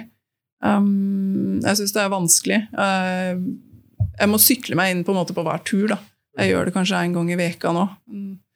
Så, så det tror jeg har liksom løfta teknikken litt. Jeg er liksom mer bevegelig på sykkelen. Og tror jeg svinger bedre og sånne ting. Så det er, en, det er et løft. Så eh, målet er vel å ja, Du skal jo være med på konkurranser. Uh, forhåpentligvis ta noen nye høkk her og der. Men generelt er det jo bare å bli bedre uh, og føle at man sykler bedre. Eh, så det er vel målet. Ja, det er morsomt det med flat pedals. Eh, Vidar, du alltid sykler på flatis. Vi har jo diskutert og krangla ganske heftig om det, og så var jeg veldig klikk eh, Det, det måtte man ha. Men eh, for to år siden så begynte jeg med flats på enduro. Mm. Det var rett og slett etter at jeg hadde sykla en vinter og var lei og ikke kom inn i klikk. og fant Ja. ut at sånn, ja, Skjønte at det var noen fordeler der. Mm. Og så tok jeg egentlig aldri av sykkelen. Nå sykler jeg bare flats på enduro, og så sykler jeg klikk på sti. Altså sånn Eh, Cross country. Cross, cross country. Ja. Mm. Jeg sliter med å bytte fram og tilbake. Jeg sykla bare klikk i mange år, og så bytta jeg til eh, flattis i ja, må være fire-fem år siden nå. Eh, Det tok jo litt tid å lære det, men jeg merka at teknisk så ble jeg jo bedre. Bunnyhoppene satt bedre og mer bevegelig på sykkelen og alt det der. Nå, om det gikk fortere eller ikke, aner jeg ikke, men teknikken kom veldig, da. Eh, Det som jeg merker at jeg aldri har blitt like god på etterpå, er sånne litt sammensatte, steinete tråkkekruks. Mm. For slår du ned én gang, så er du liksom av pedalen, mens med klikk så kan det hende at det går greit. Så det blir nok aldri like bra, men på alt annet så opplever jeg at teknikken er blitt veldig mye bedre. Da. Så jeg har blitt veldig fan av det. Jeg, er sleit veldig på, på enduro. at eh, Mm.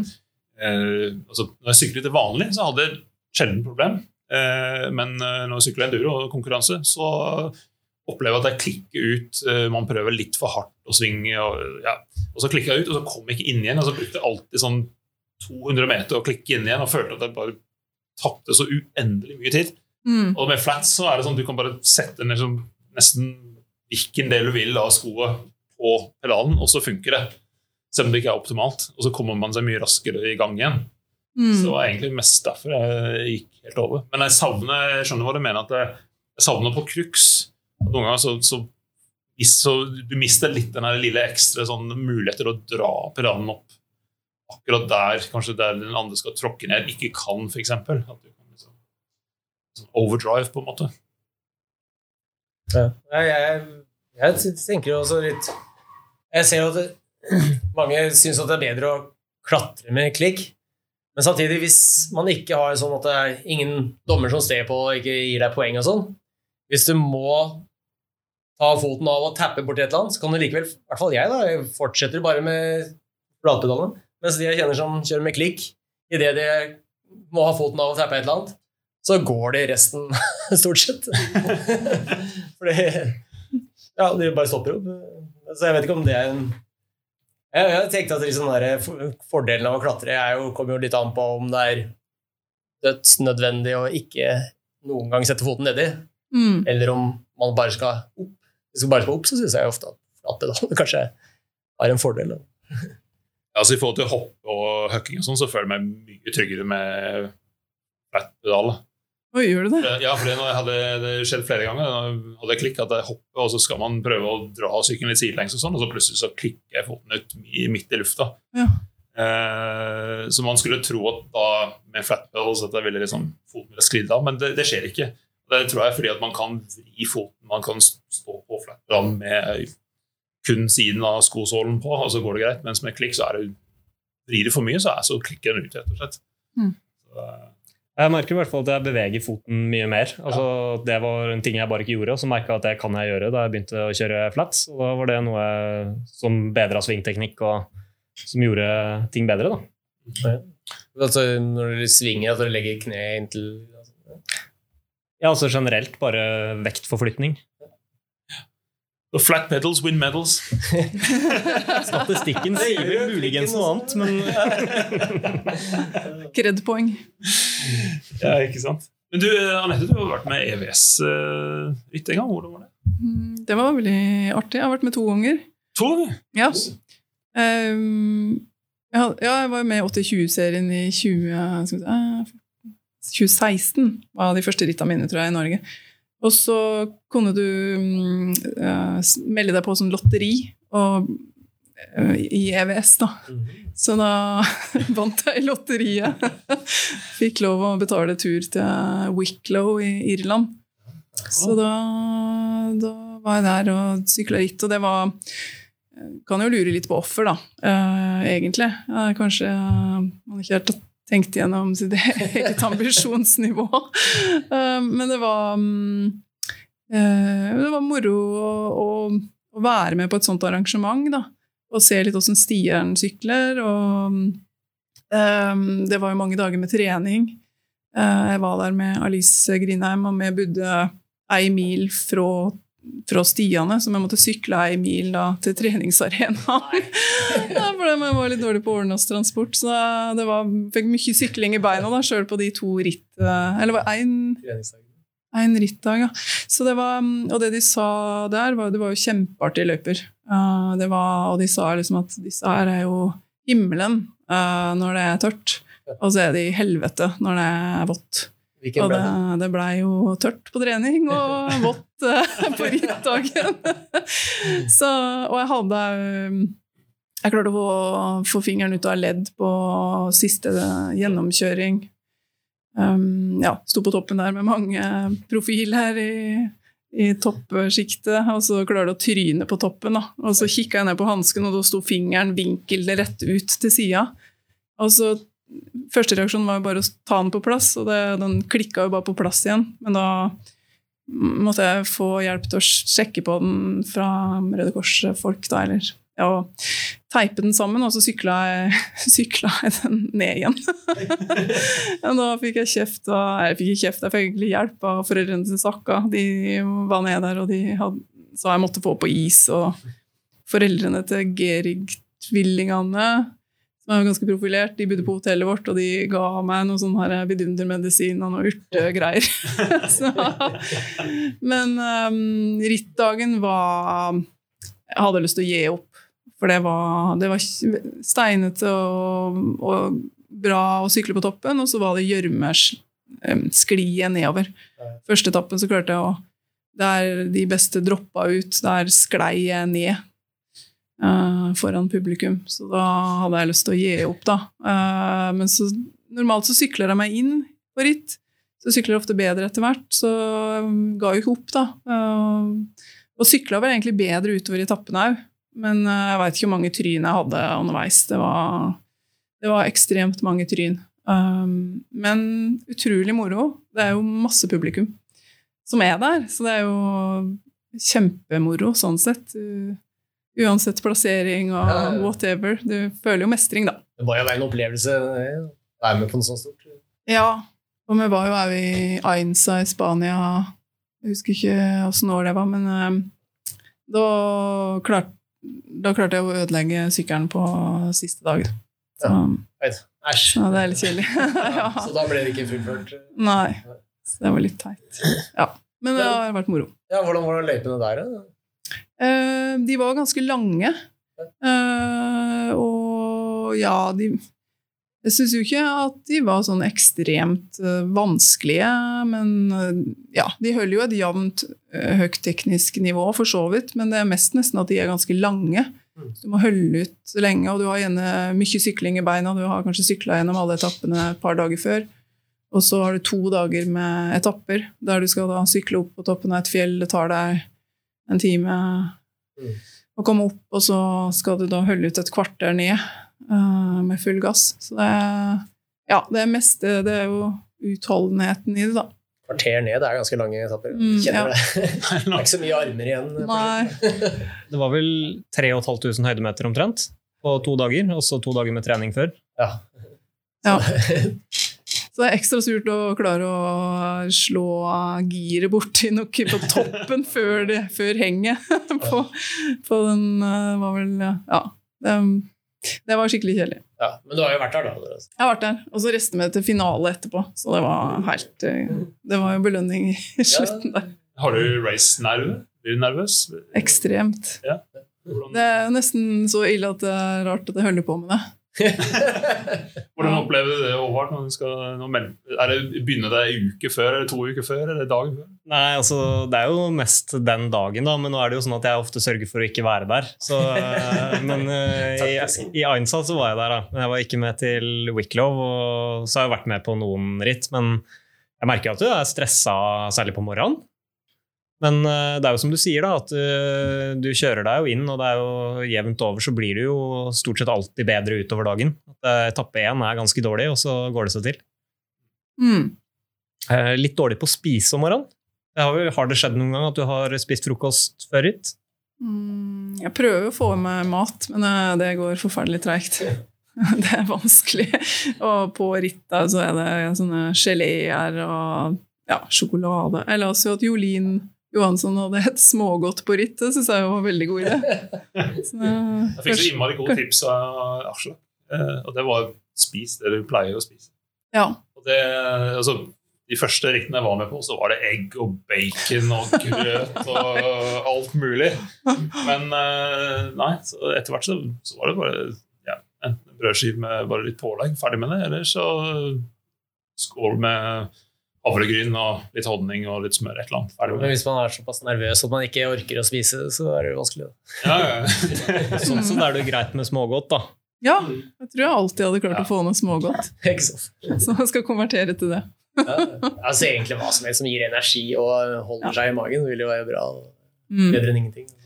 Men det, mm, nerver er jo veldig ødeleggende, da. Det er jo, tar jo mye energi, og jeg er jo helt feil fokus.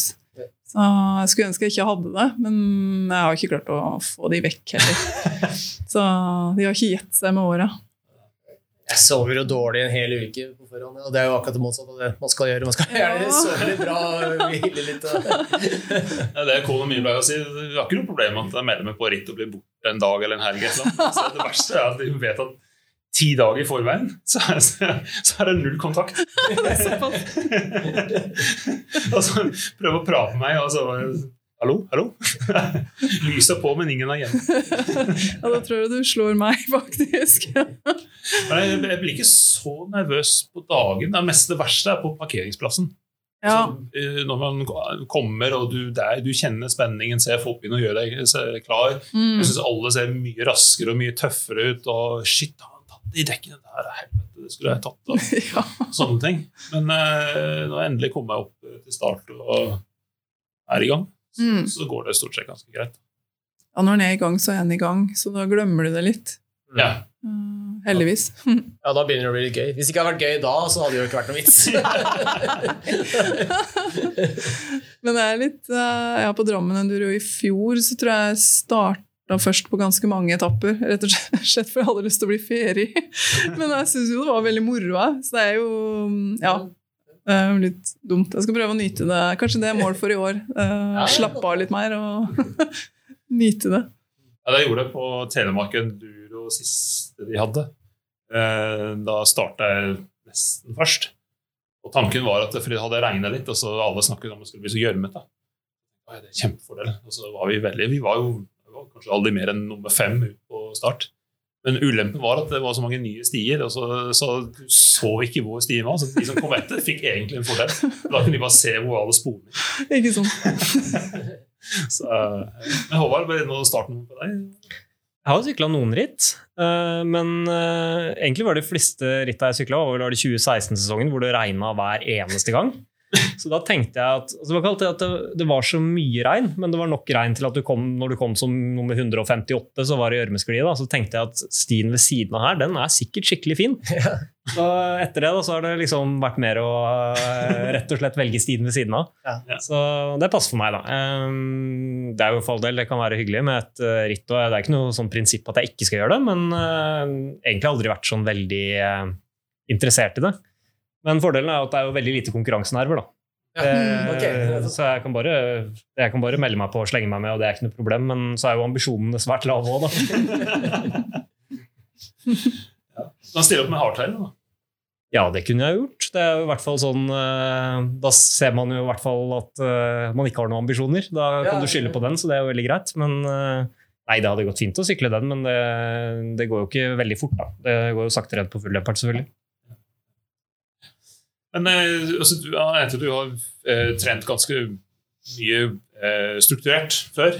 Men det høres ut som du kanskje endrer litt taktikken, og at du skal heller av det litt mer gøy. Er det sånn du har tenkt å fortsette med, eller kommer du til å liksom kaste inn eh, litt mer strukturert trening enn mot ritt og sånn? Mm, jeg hadde jo den strukturerte sesongen da, med team terrengsykkel. Da var det jo treningsprogram, uh, så da følte jeg et fast opplegg med ja, litt forskjellig trening, styrke, intervaller, langtur. Og òg gjøre økter som minner om enduro. Så, sånn mini-enduro, på en måte, da. Uh, og den sesongen endte jeg opp Jeg, jeg dobla treningsmengden. Uh, så jeg endte, det eh, endte jo ikke med ekstremt mye, men sånn mellom 12 og 14 timer. Det er mye når du har en jobb i tillegg, da. Ja. Eh, jeg endte opp med å være veldig mye sjuk. Så jeg fikk influensaer som bare satt i. Så jeg tror jeg var Jeg var på en måte sjuk gjennom hele sesongen, på en måte, og på ritt òg. Så det var Kroppen sa egentlig litt nei til det. Så det rett og slett ble litt for mye? Altså. Det ble for mye for meg, i hvert fall. Ja. Ja. Og det var vel det at jeg gjorde det sånn Ja, det var ikke noe myk overgang, da. Jeg, jeg går veldig all in. Så får jeg et treningsprogram, så følger jeg det, og mer til, for å si det sånn. Du har vel begrensa fokus på restitusjon. Ja, ja det, det er jeg ganske dårlig på. Jeg skjønner ikke at kroppen er sliten. Det gjelder fortsatt. Jeg skjønte ikke hvorfor jeg sykla dårlig i Hafjell, men var der med venner, og så hadde vi sykla i ett i ei uke og hatt en fem mils tur dagen før. Så det er sånn kanskje greit å forstå hvordan kroppen fungerer, da. Men um, jeg kommer til å gjøre mest av det jeg syns er artig. Og så kommer jeg til å legge inn litt intervaller som del av stitur. Uh, minst mulig tid på å rulle. Jeg har lyst til å gjøre litt styrketrening, for det, det er egentlig bra. Um, men um, mest, uh, ja, mest artige ting. Rett og slett. Jeg, jeg hørte på en podkast i dag om eh, en eh, skotsk jente som, som kjører ganske bra nivå i Enduro World Series. Og hun var på et sånt treningsprogram eh, som sa at særlig for jentene så trente de mye overkropp. Fordi det ga litt ekstra stabilitet på sykkelen. Hun, hun syntes selv at det hadde gjort veldig stor forskjell. Mm. Eh, Jeg vet ikke noe om det, men en lovpris til den taktikken. Du har ikke, du har ikke merket noe Nei! Nei. Uh, nei. jeg skal notere med det. Jeg kommer fra han som har nettopp funnet ut at eh, man eh, blir bedre til å presisere hvis man eh, drikker øl i hot tub. ja. Er ikke det bevist vitenskapelig? Jo, jo, det er jo det. Jeg trodde det. Ja. Ja, jeg jeg la jo til og med linker med til den forrige podkasten, så det går an å klikke på det og se faktisk forskning. Det passer vel inn i min strategi, tror jeg. Ja, altså, det er klart Du må jo kombinere forskjellige forskningsprosjekt for å få den hydreringen til å bli øl, da, men eh, jeg fikk det til. Nei, jeg tror den overtreningsbiten er det veldig mange undervurderer. Jeg gjorde akkurat samme. Altså, økte treningsmengden om vinteren ganske kraftig. Mm. Og eh, jeg ble ikke ofte syk, men jeg hadde to ordentlig gode sykdomsrunder. Og så det ikke går lang nok tid eh, fra jeg ble frisk til at jeg begynte å trene igjen. Mm. Sånn at jeg ble sånn halv Jeg var, gikk og hangle lenge etterpå. Og så ble det til at eh, du kan si at den, den prosentvis økningen jeg hadde i treningsmengden, egentlig jevnet seg ut med sykdommen. sånn at uh, når sesongen startet, så var jeg egentlig på akkurat samme sted jeg var hvis jeg hadde trent sikkert noen hundre timer mindre av vinteren. Fikk ikke du lungebetennelse?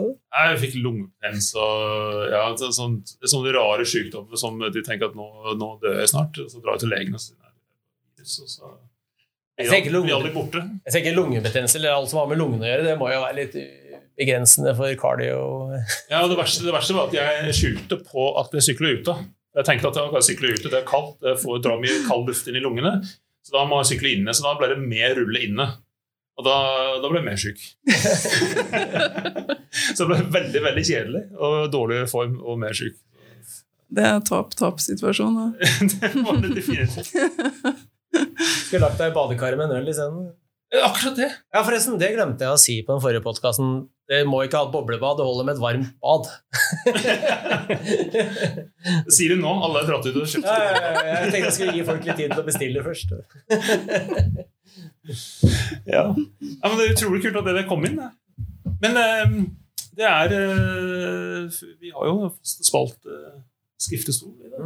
Og så er det en sånn innrømmelse som eh, blir tips om eh, dere har litt eh, Jeg har noe vondt som synger litt, så Så vi, vi, er, vi er her for å liksom lette på den tyngden. Ja, Vil du starte, eller? ja, Dere får velkommen inn i Jeg er med inne i stolen nå. i stolen. Nå fikk jeg umiddelbart nerver. Nei, det. Jeg fikk jo inntrykk av at noen har jo anstrengte forhold til Strava. Ja, jeg kan jo åpne, jeg. Jeg hater Strava. Rett og slett. Enkelt og greit. Så har jeg litt sånn ambivalent forhold til det, for jeg bruker jo heatmaps. Et fantastisk eh, virkemiddel for å finne nye stier. Eh, Det er jo utrolig flott at man kan se hvor alle de andre sykler, men så syns jeg det er helt grusomt at man skal drive og ha fokus på hvor fort det går. Ja, Eh, og så har jeg jo en samboer også som er liksom på stikk motsatt side, da. Som har et litt annet forhold til Strava, så det kan jo bli interessant når vi sykler sammen noen ganger. Ja, jeg skjønner jo at det er problemstilling, men ja. Nei, jeg elsker jo Strava. Og har egentlig gjort det fra jeg logga meg på eh, for en del år siden. og det er forstått som du ikke har noe imot at de tar tiden på deg heller. Nei, det, det funker fint. Alle, alle Stravas gleder her snakker etter menigheten. Um, så det er jo helt topp. Um, men jeg, jeg har jo sett at det har sine konsekvenser over tid. Um, jeg, jeg har jo kjefta på Håvard, for han har vært snill og ligger foran, men uh, han uh, sykler feil i segmentene. Rett og slett sperra, sperra deg. Sperra Ja, vei- villeda meg på jakten. Ja, ja, Så da har det blitt kjeft og dårlig stemning. Rett og slett gått litt utover parforholdet. Ja, det er en Ja, er, hvis du først skal dra opp farta, liksom, ligge foran og dra opp, og så får du kjeft fordi det ikke går fort nok, da ja, det er en Enten fordi man kjører feil, eller bare fordi at det var en, kanskje en kant som var litt morsommere å hoppe på. da. Det kan jo også skje. Jeg har hørt at eh, perfekte endo-svinger i, i, i Hornålssvingene på fjellet også kunne rakkes ned på. Ja, det, det hender jo at eh, det kommer et spor på steder hvor det ikke burde vært. da. Det, har jo, eh, det virker jo som det har eksplodert nå i år. Eh, det er vel rett og slett bare masse flere folk på stiene. Mange, sikkert også en del som er ferske, vil jeg tro. Det virker jo som om det er veldig mange flere som begynner å sykle, og det er jo veldig synlig, og det, jeg syns jo det er veldig synd. Eh, Jeg har jo lyst til å bli et sånt troll som legger ut i stein overalt. Jeg klarer stort sett å begrense meg, men det har jo hendt at jeg har blitt eh, blokkert eh, noe, da. Men eh, som regel så blir det bare litt banning og surmuling over disse idiotene som ikke skjønner gleden av denne skikkelig tighte svingen. Men du har ikke blokkert meg ennå. Nei, det har jeg ikke gjort, men du er jo stort sett flink, da. Nei, ja, det var vel egentlig det du tenkte på, Vidar. At jeg har ikke alltid vært uh, så flink. Må si. var, det er jo ikke så lenge siden jeg ikke var så flink. Jeg omtrent kjørte deg ned. Fordi du sykla veldig fine endosvinger, og jeg havna vel egentlig en fartsfil nedover. Ja, nei, det er klart, det her er jo noe som kan, eh, kan være lurt å ta opp med presten. Dette er ikke bra, men jeg må jo innrømme at jeg, at jeg eh, eh, verner litt om eh, noen stier i nabolaget. Så jeg har faktisk eh, turer jeg ikke legger ut på Strava. Så jeg veit egentlig ikke helt åssen det slår ut. Ja, det er veldig ego egoistisk. Ja, eh, ja jeg, set, jeg setter faktisk privat. Ja, nei, det er jo Det sant. er- Det er jo både egoistisk og snilt en gang. Ja, det er jo ikke helt det, delingskultur, da. Men jeg tenker jo, tenker jo mest på at stiene skal være fine, selvfølgelig. Og, og teknisk vanskelig osv. Vi får la den gå på konto for naturvern. Den eh, Det høres ut som en god, en god, en god eh, det en straff? Ja, nei, det Ja, nei, det, det, her høres jo ut som det er eh, noe vi må ta tak i, men det er jo ikke de største syndene. Vi tenker at fem Ave Maria og eh, to stieturer med stemmen opp ned og styret vendt nedover, det forholdet. Ja, det høres bra ut. Kanskje du kan skru av Strava på den turen, for det kommer ikke til å gå så fort. Det er jo Nei, det må jo på. Det er jo en del av straffen. Ja, En del av straffen også. Kanskje jeg også må ha som en del av straffen. Ja. Det er sant. Ikke lov til å skrive noen forklaring. eh, Nei, i- i ikke under. Ikke noe bortforklaring. Sånn. Rett og slett bare med å skrive at det har vært en god dag på Ja, en god dag, tør, tørre forhold. Ja, perfekt dag. Ja, ja. Du må bare tåle å se at de der fargeprikkene ligger feilbalansert eh, på Strava. Men tusen takk for at uh, dere tok tid til å eh, komme innom og prate med oss. Veldig veldig hyggelig å ha med dere, spesielt på en så fin dag. Uh, eh, fint vær i morgen, så jeg håper å se dere ut på, eh, på sykkel. Logge Strava-tur. Da blir det logging i nabolaget deres. Kanskje det blir eh, opp-ned-stem på høkking i Aron i morgen. Det kan fort skje, vet du. Ja. Da skal vi rapportere. Nei, det var kjempeartig å få være her. Ja. Veldig moro. Veldig bra. Tusen takk. Takk.